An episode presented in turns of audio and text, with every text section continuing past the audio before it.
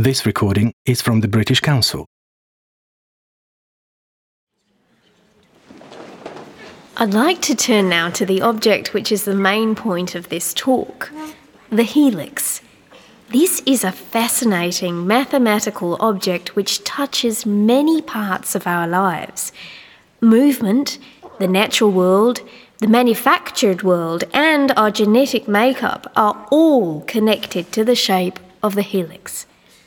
A helix is a type of three dimensional curve that goes around a central cylindrical shape in the form of a spiral, like a corkscrew or a spiral staircase. The helix is a very popular shape in nature because it is very compact.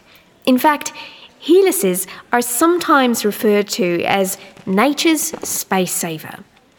In architecture, too, the helix shape of a spiral staircase is an attractive option in buildings where space is very restricted. The most renowned type of helix is probably the double helix of DNA, or deoxyribonucleic acid. DNA is made of two helices that curve around each other, a bit like a twisted ladder. DNA contains the genetic information or code that determines the development and functioning of all known living things. The helix shape is a very efficient way to store a long molecule like DNA in the limited space of a cell. There are different types of helices.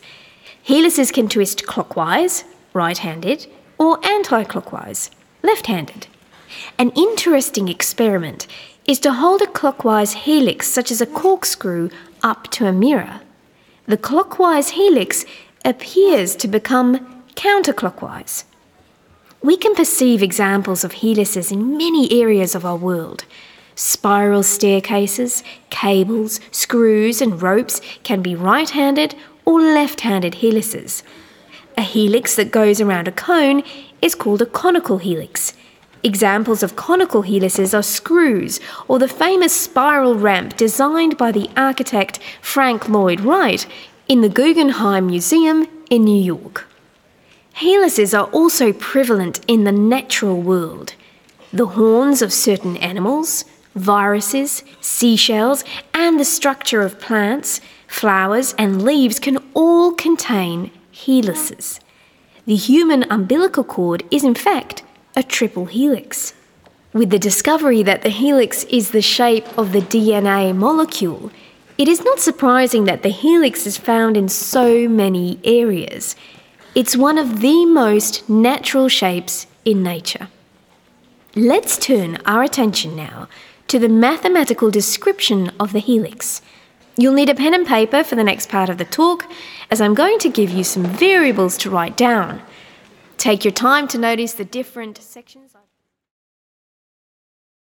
This recording is from the British Council. To find more activities to practice your English, visit www.britishcouncil.org forward slash learn English.